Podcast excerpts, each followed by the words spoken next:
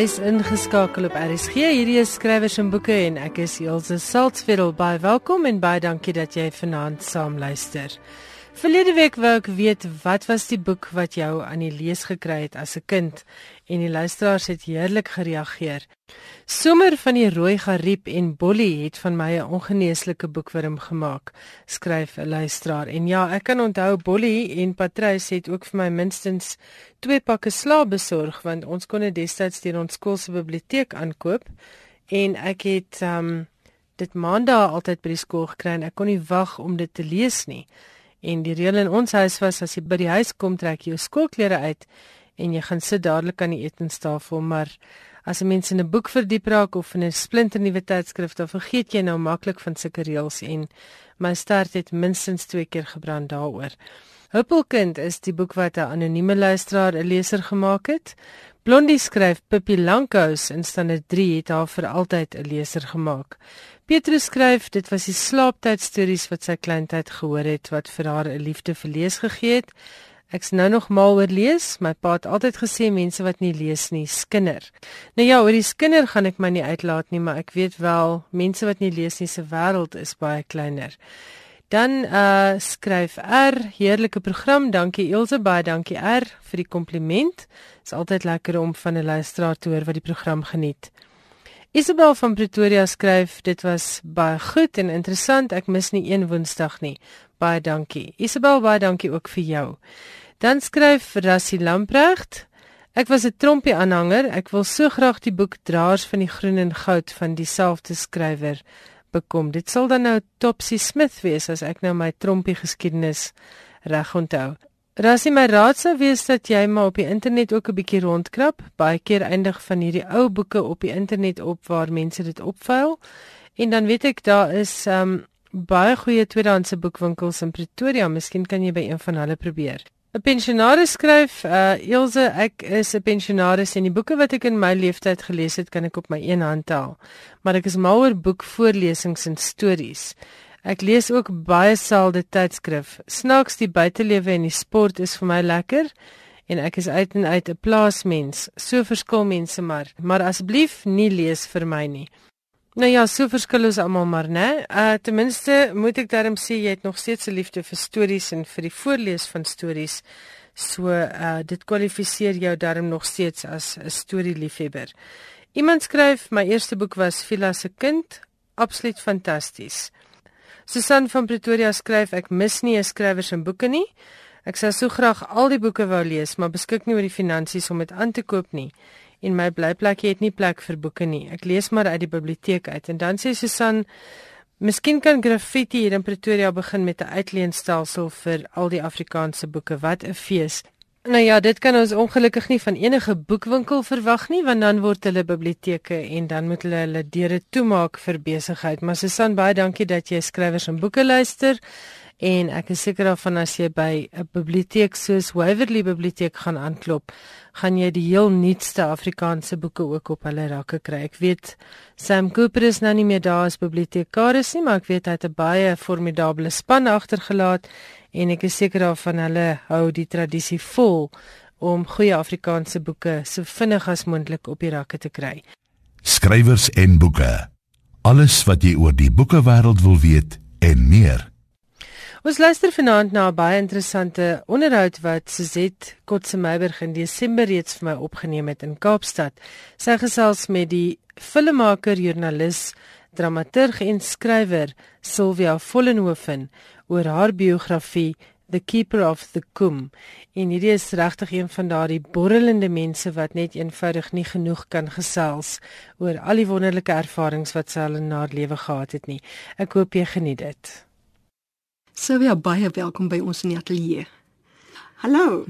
Ons gesels oor jou boek Keeper of the Kum. Maar ek wil nou eers sommer bietjie hoor oor die skrywer. Ek wil altyd weet Wat het die skrywer gevorm? Vertel 'n bietjie van jou kinderdae. My kinderdae, ek het ehm um, ek is gebore in die Kaap, amper in die middestad.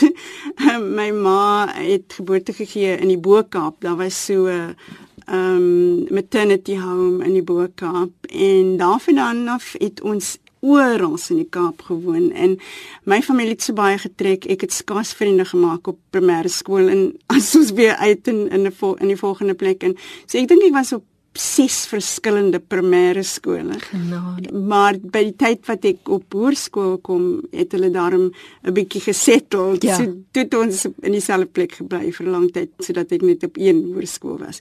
Die Kaap was vir my op op daai stadium in die 50 en 60 jare 'n vreeslike fascinerende plek want veral in my vroeë kinderjare, elke plek waar ons gebly het, was daar so 'n mengsel van mense. Daar was mense wat Xhosa gepraat het wat in die volgende straat gebly het en dan oorkant ons op een stadium toe ons in Steerhof gebly het, was daar wit mense. So ek het ek het eintlik nie gevoel dat dat jy weet uh uh um dat die, die Kaap was net normaal vir Ja. my. En natuurlik soos ons ouer geraak het, het daar skielik daar hierdie ding van apartheid ingekom en toe moet ons hier uittrek en daartoe gaan en en ons vriende wat oorkant bly het daartoe getrek en dan het die die mense wat ons um mee skool toe geloop het of uh, families wat ons geken het het was selfs land uit um meer uit protes as enigiets anders en, en skielik het jy besef ja maar hier's hier's iets wat hier verkeerd is Ja. Vir die res soos ek skryf in die boek was die apartheid tussen ons was vir my as 'n kind meer merkwaardig. Um hoe kinders onder mekaar verskeidings gemaak Ja. het. En um as as daai meisiekind se pa 'n motor het en sy het lang hare, is sy nie jou vriend nie want jy het nie 'n motor en jy het nie lang hare nie. In in voor ek skool toe gegaan het, het ek saam met my ouma gebly. My ouma was um 'n huishoudster vir wit families en en baie saam met die wit kinders groot geword, veral een kind Alma. Ek sal altyd onthou Alma se ouers was, hulle was 'n Duitse familie, uh, nee Hollanders, hulle was Hollanders. En ehm um, die Sonnevelds en ek het gedink ek en Alma gaan seker eendag selfe skool toe want sy was 'n jaar ouer as ek. En toe sy haar skool begin en haar uniform kry, was ek so opgewonde want ek dink volgende jaar sit ek, dan gaan Ja. ek na Alma se skool toe. Maar die volgende jaar moes my ouma haar werk opgee en trek na een van die Cape Flats plekke waar my ouers gebly, gebly het op daai stadium. Ehm um, en en dit was net vir my verwarrend. Ek kon Ja. verstaan hoekom hoekom ek hy paadjie geloop het wat Ja. ek oorgedroom het nie. En dit is maar net later toe ek ouer was dat ek verstaan het wat gaan nie aan. Maar Ehm, jy was sekerlik daai kind wat absoluut uitgeblink het. Wel nee, mens dink nie so nie en ja, miskien as ek nou daaraan dink, was ek 'n bietjie anders, maar ek was net baie stil, het alles net noukeurig opgelet. Niks het my verbygegaan nie en ek het 'n baie spesiale verwantskap gehad met my ouma. My ouma het met my gepraat asof ek 'n groot mens is. Mm. Maar op daai stadium dink jy dit net is normaal. So ons praat die een oomblik van Christus en die volgende oomblik van al die geeste wat ons albei kan sien en alles is ingemeng en normaal Ja. en heeltemal deel van jou alledaagse lewe. En jy toe begin werk as 'n joernalis net na matriek by die Cape Herald van destyds. Ja, dis reg. Die Cape Herald was 'n terrible koerant as ek nou daaraan dink, jy weet. Dit was net sport en sensasie en ehm um, en uh, social page en en daai soort nonsens. En en op 'n stadium was ek ehm um, het ek die Vroueblad geredigeer en die Vroueblad se naam sal vir jou alles sê. Dit was die naam van die Vroueblad was Bird Talk. so dit sê vir jou waar daai koerant uitgang het. Ja, ja. Die eh, Afrikaanse joernaliste wat ek van weet in hulle jong jare mense soos Elsa Joubert en Rykie van Reenen, hulle het daai selfde uh absolute jy weet die die die horror van die vroueblad want dit is waar as jy 'n vrou is en jy kry dit darm reg om in die journalistiek te beland dis waar jy toegelaat is O ja, maar ek het so gemors gemaak van dat hulle dit hulle baie gou opgegee het en toe sit hulle vir my op die ehm um, wat is die naam van hierdie rubriek? Dit was religious talk of so iets, mm. kerk kolom of so iets. En en die dominees het so gekla van my benadering dat ek daar ook hier lank gelas het.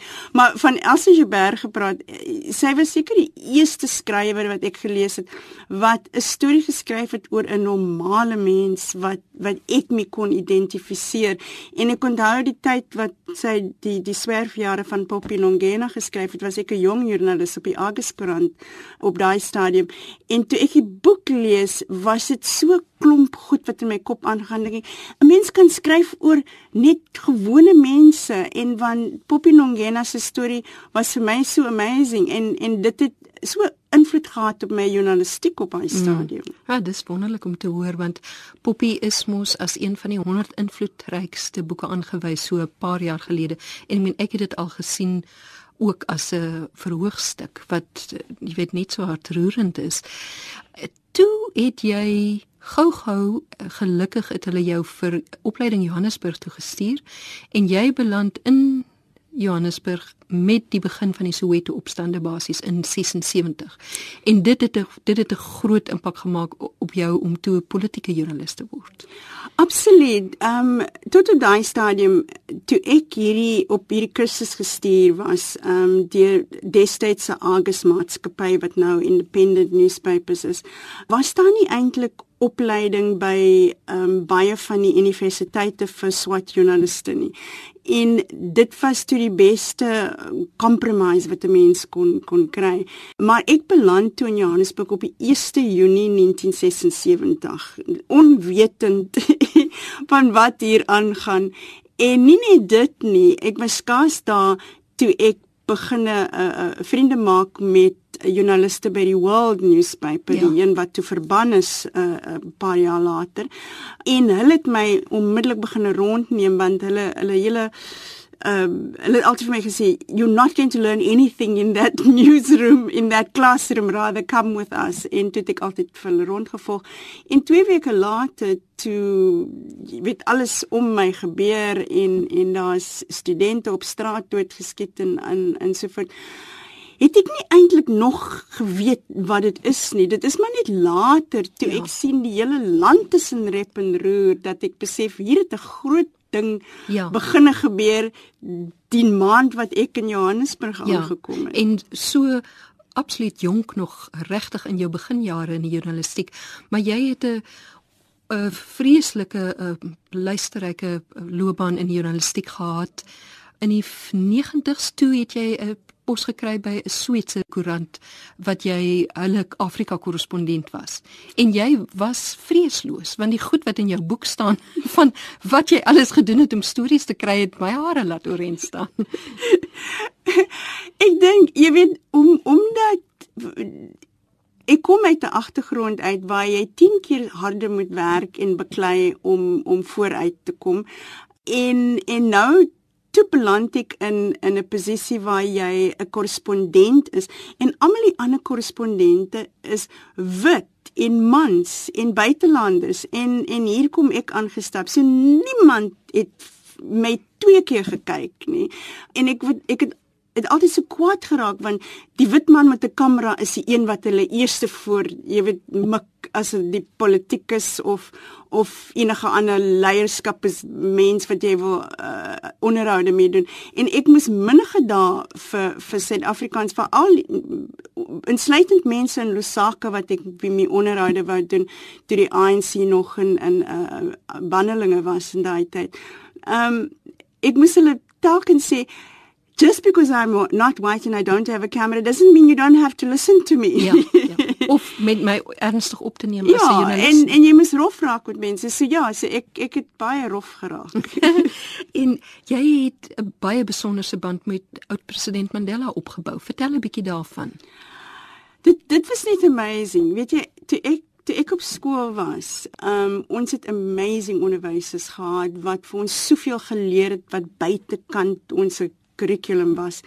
En van die land se regte geskiedenis wat nie afgeskryf was nie of wat verban was en boeke boeke in die klaskamer gebring wat verban was en ehm um, dat ons kan lees en sien wat gaan hier aan. En natuurlik by die tyd wat ek daar geloop het was uh, Nelson Mandela my held. En ek het net altyd hierdie droom gehad dat eendag wou ek kom ontmoet en met ja. hom praat en uitvind hoe dit was. En toe ek um, oor die jare stories geskryf het natuurlik van van die politiek en so aan het ek altyd gesit met sy dik dik leers. Al die al die koerante waar ek gewerk het het sulke leers gehad vir al die persoonlikhede en in in bekende mense. En sy leers was altyd die dikste met ja. die meeste goed in. En die ding wat vir my so opgeval het eendag toe sit ek so met sy leer by die by die Cape Times en ek was daai tyd by die Sunday Times koerant En daar was 'n brief wat hy geskryf het aan Kobie Kutse en ek dink hy was die minister van ehm um, ehm um, was dit korrektiewe dienste? So iets, ja, ja. Om dankie te sê vir digbundel, vir Touches digbundel wat Kutse aan hom gegee het en en en hy het so opmerkings gemaak oor verskeie eh, gedigte wat hy vreeslik van gehou het en wat hy wat hy wou bespreek en so aan. En ek het net gedink, "Jessie, watter reg het ek om so dodelik kwaad te wees?" En hierdie man wat so lank in in die tronk sit, het het het sulke soort kommunikasie ja. met die man wat vir hom daar in die tronk hou. Ja. Um, hy moet seker 'n 'n seint wees. Ja. En ja, ehm um, by die tyd wat hy toe vrygelaat is, was ek die korrespondent vir die Switserse koerant en 'n paar ander koerante in Europa. En ehm um, dit was toe deel van my werk om om sy alles wat hy sê en doen te dek en hy daar toe het ek um, hier in die Kaap die groot ontmoeting op die parade gedek en toe hy toe uit die Kaap uit weg is saam met hom gegaan na sy huis toe in Soweto en toe word ek van 'n klein groepie joernaliste wat vir hom dan oral in die wêreld rondgevolg het. Ja, wonderlik. En natuurlik toe ook uh, Oslo toe vir die oorhandiging van die Nobelprys wat toe nou jy weet vir jou omtrent uh met die Switse koerant die agtergrond was nou toe baie sterk uh, aansluiting.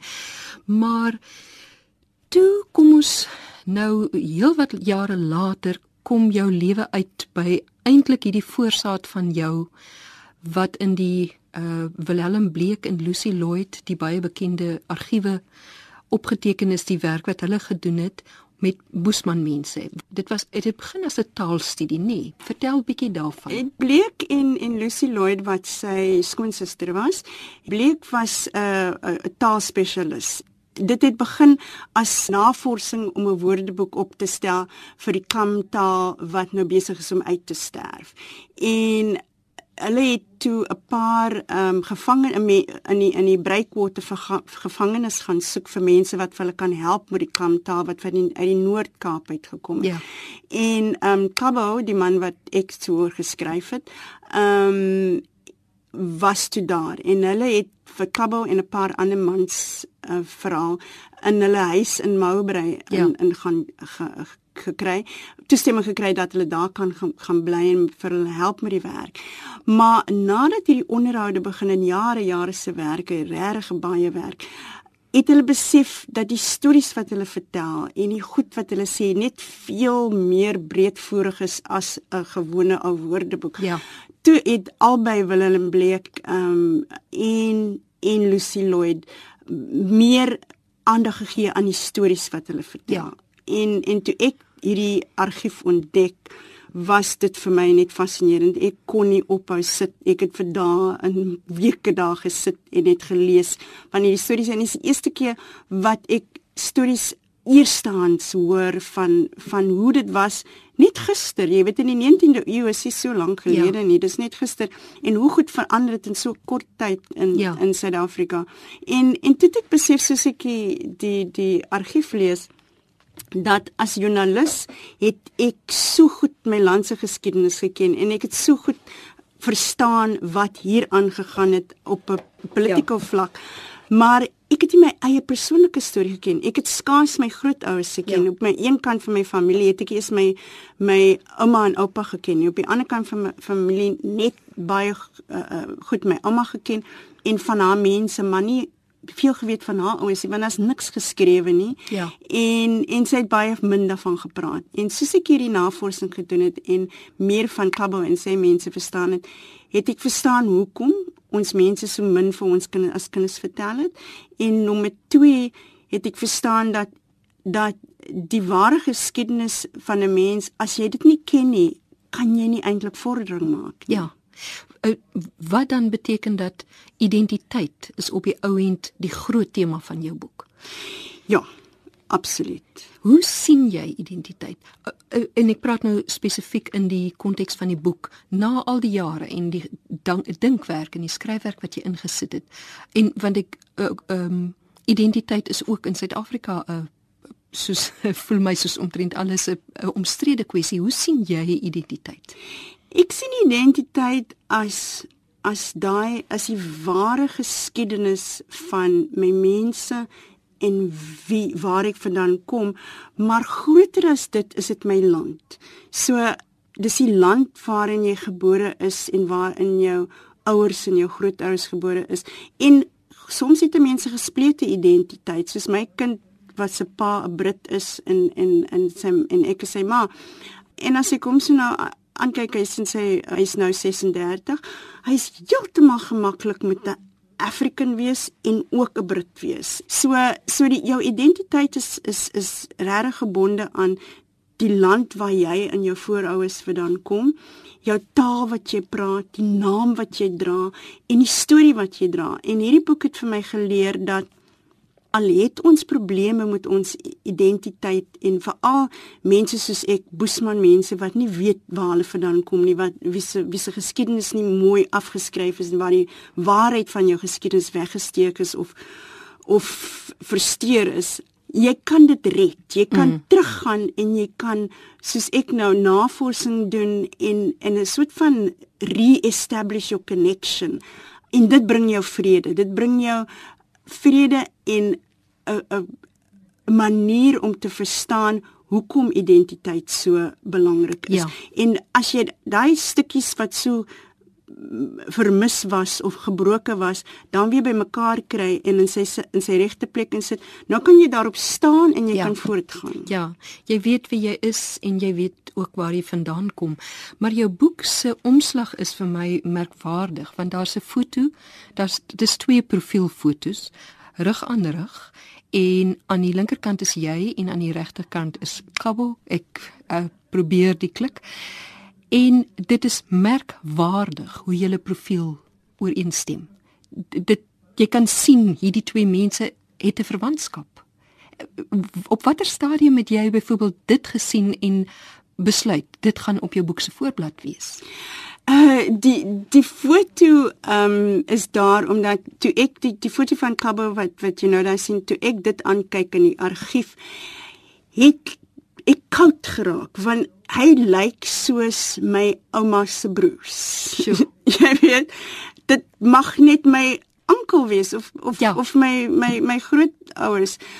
Ehm um, en en dit het my nogal gepla. Dis hmm. een ding wat my gepla. Die ander ding wat vir my gepla het is die feit dat ons kinders was, as jy vir iemand sê hy's 'n boesman, ja. is dit 'n vloekwoord. Ja, dis beledig. En en en ek het gedink, nee, maar my hele familie lyk soos boesmanne eh, omdat ons is. Ja. En dis nou tyd dat 'n mens hy woorde terugneem en dat jy dit omswaai. Ja. En en en dit en en besef dat om 'n boesman te wees is 'n wonderlike ding. Wel dit dit wat ek al so deur die jare gelees het en gesien het, veral 'n paar baie baie goeie films van die twee uh, Foster broers, uh, Craig en die ander se naam kan ek nou nie onthou nie. Damon. Ja, dit is dis verstommende werk. Jou boek se subtitel is Ancestral Longing and Belonging of a Boesman Kind. En oral in die boek waar jy met jou ouma gepraat het, uh, of jou ouma gepraat het, is dit in Afrikaans. Het mense nie al vir jou negatiewe kommentaar daaroor gegee nie? Baie mense het gevra hoekom, hoekom is daar soveel Afrikaans en my antwoord daarop is dat Ek wens daar was meer. In feite, reg aan die begin het ek in die uitgewers Tafelberg gesels oor miskien op 'n dag 'n vertaling in Afrikaans. Ehm um, ehm um, soos baie mense weet, is is die boek ook uh, 'n uh, verhoogstuk en en 'n film wat ek nou mee besig is. Uh die verhoogstuk het nie net baie Afrikaanse in nie, maar ook daar is hier en daar 'n uh, um koi koi gewap of die namak taal. Ja en die Khoikhoi taal wat nou na is aan die Kam taal wat, ja. wat wat uitgesterf is. En as ons dit weer doen, as ons hierdie verhoogstuk ehm um, in die platteland neem, gaan ons meer Afrikaans gebruik en en miskien ook 'n meer, meer Khoikhoi gewap, nie te veel dat jy vir mense wil afsit nie, maar ek dink daar is die rede waarom daar so baie Afrikaans in die boek is, is daar is sekere stories wat ek nie in Engels wil vertel nie. Ja. Is nie dat ek nie kan nie. Ehm um, en as my ouma met my praat wat nou dood is, maar sy praat baie met my. Is dit nooit in Engels? My ouma het net met jou Engels gepraat as sy vreeslik kwaad is met jou die dag. En jy uh, skryf ook hier in jou nawoord dat daar dat jy gereeld na uh, in die kasteel word daar klasse aangebied in die Khoi taal en ook dat daar uh, dit lyk vir my dit gaan al die derde pelgrimstog wees, die derde jaar, nê? Want ek het nou die dag weer in die koerant gelees van van een van die voriges. Hoe vertel 'n bietjie daarvan? Ja, die die die die Khoi taal is uh, op my ouderdom op 64 is dit regtig moeilik om 'n nuwe nuwe taal aan te leer, maar ek hou daarvan om net te luister. Ek sit daar en ek luister vir Bradley van Sisters Sitters wat mense so leer en ek lees dit en sien daar is woorde wat my ouma gebruik het wat ek nog nooit gedink het is 'n woord nie Ja. en nou sien jy dit en hoor dit. So dit gee my net groot vreugde om te luister. Um en dan die jaarlikse pelgrims is is koi koi leiers en en en sa, soms san leiers maar meestal koi leiers wat een keer 'n jaar in Februarie deur die deur die land stap en hulle beoog elke jaar om so 1000 km te te dek moet Ja. hulle stap. Hulle doen dit in in um relays. Um en laas jaar het ons bietjie saam met hulle gestap. Volgende jaar gaan ek weer saam met hulle stap en en meer um want ons skiet dit ook vir die film wat ek Ja. doen. En dit is dit is net vir my 'n wonderlike ding om te doen veral omdat Khoi en San mense so marginalized is. Daar is so min verstaan van die geskiedenis. Daar is so min daar is so baie mense basiese menseregte wat nog nie aan hulle geskenk is nie. So ek dink net hierdie soort ehm um, hierdie hierdie jaarlikse gebeurtenis help mense om te dink aan wie is die eerste nasies van van Suid-Afrika en en wat is dit wat ons moet doen om om hierdie geskiedenis om dinge net reg te maak. Ja. Sylvia, dit was wonderlik om met jou te gesels. Baie dankie. Dankie vir jou Suzette. Dit was dan Suzette Kotse Meiburg in gesprek met Sylvia Vollenhoven. Soos ek gesê het, Sylvia is 'n bekende joernalis, dramaturg, skrywer, maker van dokumentêre films en een van die interessante mense in die Suid-Afrikaanse geskiedenis. Jy kan ook meer lees oor hierdie baie interessante boek op Litnet. Tik eenvoudig die woorde Sylvia Vollenhoven in op Litnet en jy sal geneem word na African Library Keeper of the Kum by Sylvia Vollenhoven en die artikel is deur Annie Gagiano. En Annie sit hierdie werk van Sylvia Vollenhoven in briljante perspektief met skryfwerk uit die res van Afrika en uh, ook hoe dit inskakel by ons Suid-Afrikaanse geskiedenis. En daar's ook baie lekker aanhalinge en vertellings uit die boek sodat jy baie goeie idee kan kry waaroor dit gaan. Keeper of the Kum word uitgegee deur Tafelberg en kos R220. Net gou twee belangrike aankondigings. Die eerste een is oor die ATKV skryfskool van die Noordwes Universiteit. Dit word hierdie jaar in die winter aangebied en wel van Maandag die 5de Junie tot Vrydag die 9de Junie. En dit is oop vir alle opkomende fiksieskrywers. Bekende en bekroonde skrywers en digters, toonaangewende uitgewers van Afrikaanse fiksie en personeel van die ATKV skryfskool tree as sprekers, werkswinkelaanbieders en groepsessieleiers op. Die skryf van verhale, gedigte en kinder- en jeugfiksie kom onder die loep by die ATKV skryfskool van die Noordwes Universiteit hierdie winter. Hierdie 5-dag geleentheid is 'n praktiese slypskool vir enigiemand wat verhale, gedigte of kinder- en jeugfiksie wil skryf. Dit word aangebied op die Potchefstroom kampus van die Noordwes Universiteit en die inskrywingsgeld sonder verblyf beloop R3250 per persoon. Met verblyf sal hierdie kursus jou R4700 per persoon kos. Die bedrag dek dan kursusgeld asook die kostes vir verversings gedurende oggend- en middagteepauses, 'n openingsonthaal op Maandag aand 5 Junie en 'n afsluitingsfunksie op Donderdag aand 8 Junie. 'n Beperkte hoeveelheid verblyfplekke is beskikbaar. So as jy wil deel wees van hierdie winterskryfskool en jy wil van hulle verblyf gebruik maak, skakel so gou moontlik met Kobie van Aswegen by 018 299 1783. Ek herhaal net Kobie se nommer 018 0828291783. Haar e-posadres is kobie.vanaswegen@nwu.ac.za. Hierdie jaar bied die skryfskool ook 'n skryfkompetisie aan en as jy in een van die genres wen, dan kan jy die winterskool gratis bywoon. Om in aanmerking te kom, moet jy 'n kortverhaal, die eerste hoofstuk van 'n roman of die eerste hoofstuk van 'n jeugroman of 'n kinderverhaal of 'n gedig inskryf. Die sluitingsdatum vir die skryfstukke wat jy moet indien om in aanmerking te kom om die skryfskool gratis by te woon is 31 Maart. Skakel ook daaroor met Kobie van Aswegen by 0182991783. Dit dan die ATKV Winterskryfskool by die Noordwes Universiteit aangebied van 5 tot 9 Junie in Potchefstroom. Dan het Ingrid Glorie uit Nederland laat weet dat die datums bekend gemaak is vir die derde week van die Afrikaanse roman en dit vind vanjaar van 29 September tot 8 Oktober plaas. Vier Suid-Afrikaanse skrywers is na die Lae Lande genooi vir hierdie derde week van die Afrikaanse roman. Hulle is Willem Anker, Amy Jefta, Rudy van Rensburg en Ingrid Winterbag. Susie Matlola wat ook al hier op skrywers en boeke gas was van die Afrikaans in Soweto projek van die ATKV is ook genooi om hierdie week te gaan bywoon en die digter, sanger en akademikus Andrius Besuidnout is die feeskunstenaar.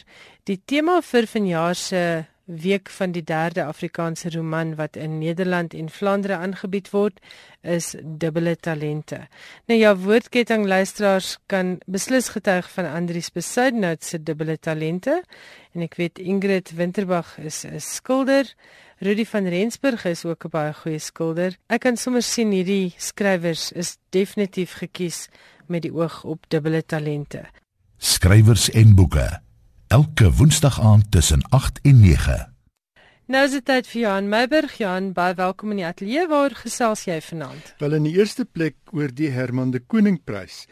Die Vlaamse digter, skrywer en dramaturg Pieter Verhelst is pas aangewys as die wenner van die 2017 Herman de Koningprys vir poësie. Dis die derde keer dat Verhelst die prys wen.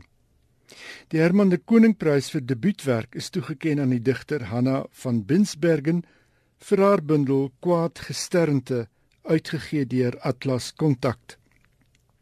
Die 54-jarige Verhulst is bekroon vir sy bundel Sing Sing uitgegee deur Prometheus en hy het boonop die sogenaamde publiekprys gekry vir sy gedig Als jy geen kontak meer het met die dinge. Die publiek kon vir 'n gunsteling stem uit gedigte van die vyf benoemdes vir die Herman de Koning Prys. Saam met Verhulst is benoem Eva Gerlach vir Ontsnappingen, Roland Joris vir Bladgrond, Hanna van Binsbergen vir Kwaad gesternte en Nagum M Weinberg vir Van Groot Belang. Verhulst het in 1987 gedebuteer met die bundel Obsidian en het opgevolg met die roman Vloeibaar harnas van 1993. Benewens etlike romans en dramatekste het hy altesaam 12 digbundels gepubliseer. Hy was onderwyser tot en met 1999 toe hy heeltyds begin skryf het. In 2000 is die gesogte Belgiese literêre prys, die Gouden Boekenuil, aan Verhels toegekend. Sing Sing word beskryf as 'n bundel wat die sintuie oorrompel en een waarin die digter 'n vervreemdende wêreld oproep, maar wat ondanks 'n sprokiesagtige karakter nooit van die leser verwyderd is nie. Dis veral sy liefdesgedigte wat volgens die beoordelaars besonder roerend is. Verhels besoek vanjaar die Woordfees in Stellenbosch en neem onder meer deel aan voorlesings en gesprekke met Sandra Besuitnout en Daniel Hugo as gespreksleiers. Sy 2015 drama Hotel Malaria vertaal en met regie deur Martinus Passon en met Andrei Roodman en Greta Petersen in die rolverdeling is ook op die woordfees te sien. Sarkie Botha voer ook op die fees 'n gesprek met Verhulst oor die drama. Die woordfees duur van 3 tot 12 Maart. Stefan Hertmans, die Vlaamse skrywer wat verlede jaar 'n plek op die New York Times se lys van 10 top boeke ingeneem het, is ewenigs van jare gas op die Woordfees.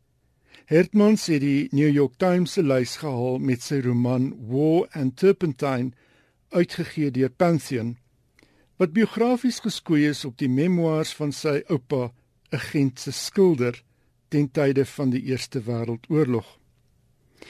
Die boek is in Afrikaans vertaal deur Daniel Hugo en einde verlede jaar besonder mooi uitgegee deur Protea as Oorlog en Terpentyn. Hugo praat met Hertmans op die Woordfees oor die boek wat mense se verbeelding wyd aangryp.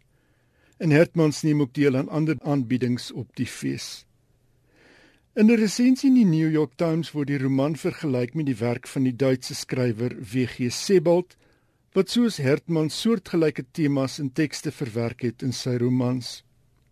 Die manier waarop Hertmans sy oupa se verhale verweef met sy eie besoeke aan die plekke wat die ou man se ontwikkeling van man, pa en kunstenaar help vorm het, maak van die boek 'n meesterstuk oor onthou, kuns, liefde en oorlog, lui die New York Times se resensie.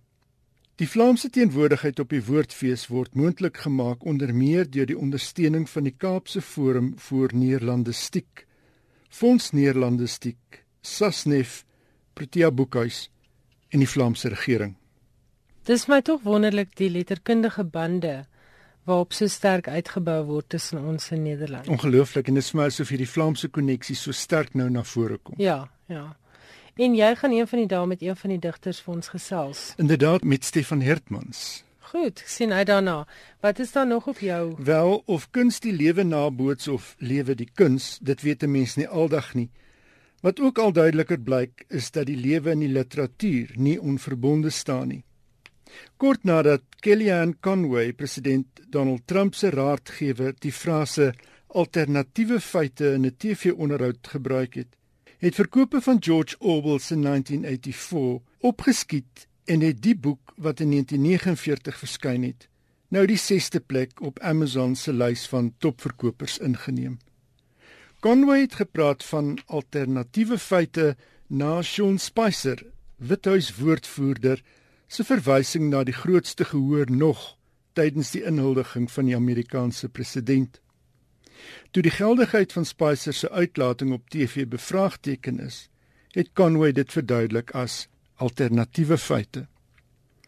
In die distopiese roman word die begrip newspeak gebruik wat dui op 'n fiktiewe taal wat daarop gemik is om persoonlike gedagtes te elimineer.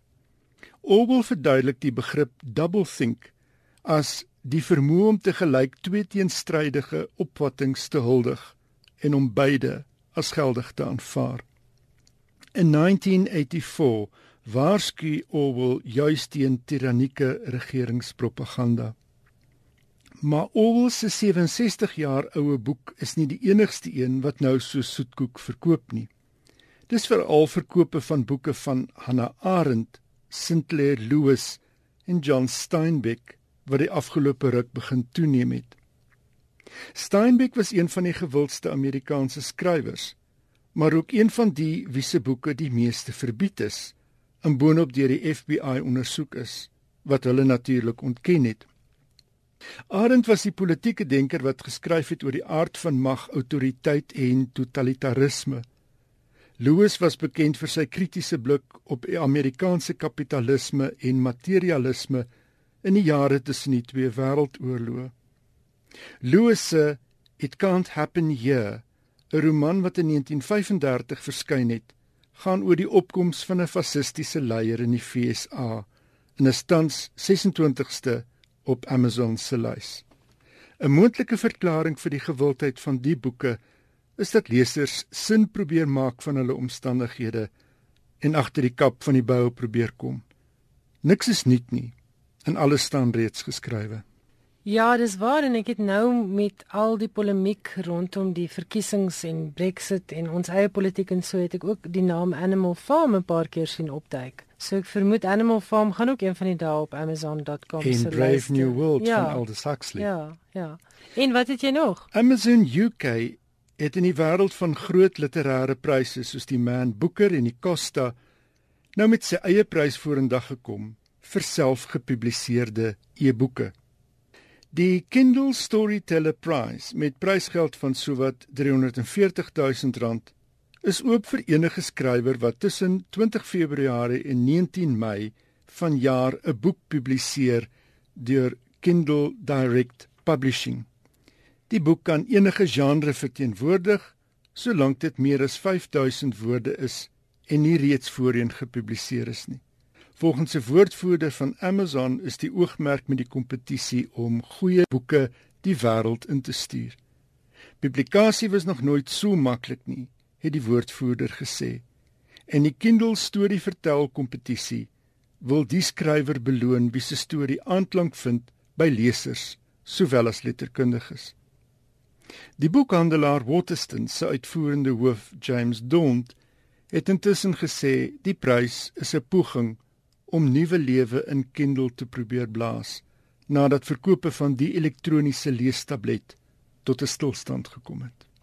Ja, ek sit ook nou hier en luister na die feit dat hulle 'n boek, hulle noem dit 'n boek en hulle sê dit moet meer as 5000 woorde wees.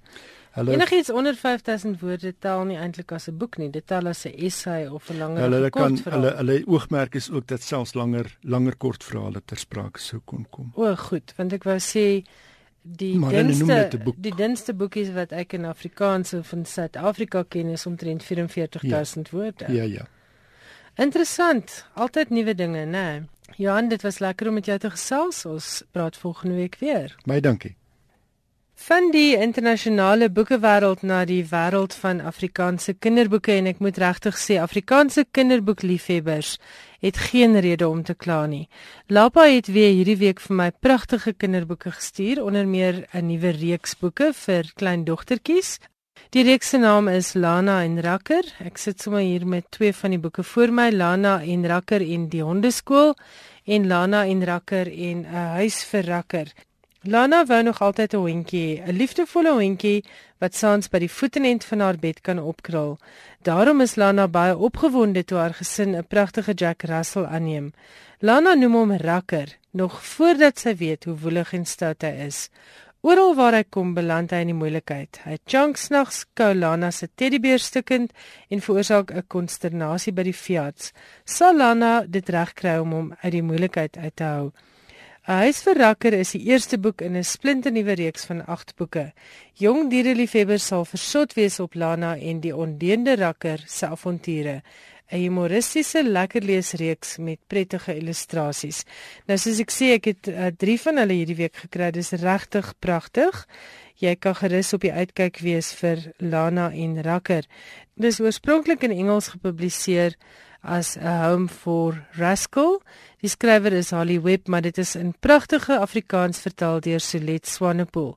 Die boekies kos R90 elk en dit is geskik vir kinders van die ouderdom 7 en op. En dan het daar 'n wonderlike aksieverhaal vir klein seentjies, ek sou sê so van die ouderdom van 9 af op my lesenaar beland en dit is deur die baie gewilde Fanny Viljoen. Hy is natuurlik geen onbekende as dit by tiener en kinderfiksie kom nie. Nou hierdie boekie is Aksieheld Austin Operasie Sabotasie. Ligte kamera aksie. Ewald is baie opgewonde toe hy sy eerste rol in 'n fliek loslaan. Dis immers nie sommer enige rol nie, hy speel die hoofrol van Aksieheld Austin, 'n dapper held met vuiste soos kanonkoels wat skurke laat les op sê. Iets is egter nie pleis op die filmstel nie. Dit lyk asof 'n regte skurk die rolprent probeer saboteer. Kort voor lank is die hele filmspan se lewe in gevaar en as Ewald die fliek wil red, sal hy so dapper soos 'n regte aksieheld moet wees. Hierdie asemrowende nuwe avontuurverhaal uit die pen van Fanny Viljoen is die eerste in 'n splinternuwe reeks oor aksieheld Austin en dit is perfek vir jong lesers wat hou van stories propvol aksie en adrenalien. Aksieheld Austin word ook uitgegee deur Lapa Uitgewers. Die boek kos ook R90 en soos ek sê, heerlik vir kleintjies wat hou van avontuur en dalk nie net vir seentjies nie. Dit was my heerlik om saam met julle te kuier hier agter die skrywers en boeke mikrofoon. Baie dankie vir die saamluister. Laat hoor gerus weer van jou. My e-posadres is skrywersenboeke@rsg.co.za En die SMS nommer soos altyd is 34024 met elke SMS wat R1 kos. Volgende week is ek terug met nog 'n uitsending van skrywers en boeke. Tot dan, lekker lees en bly ingeskakel op RSG. Ek weet vir die res van vanaand het ons nog heerlike musiek, maar daar is elke dag van die week iets vir almal op RSG. Tot ons volgende week weer gesels groet ek Elsje Salzveld geniet die res van jou aand.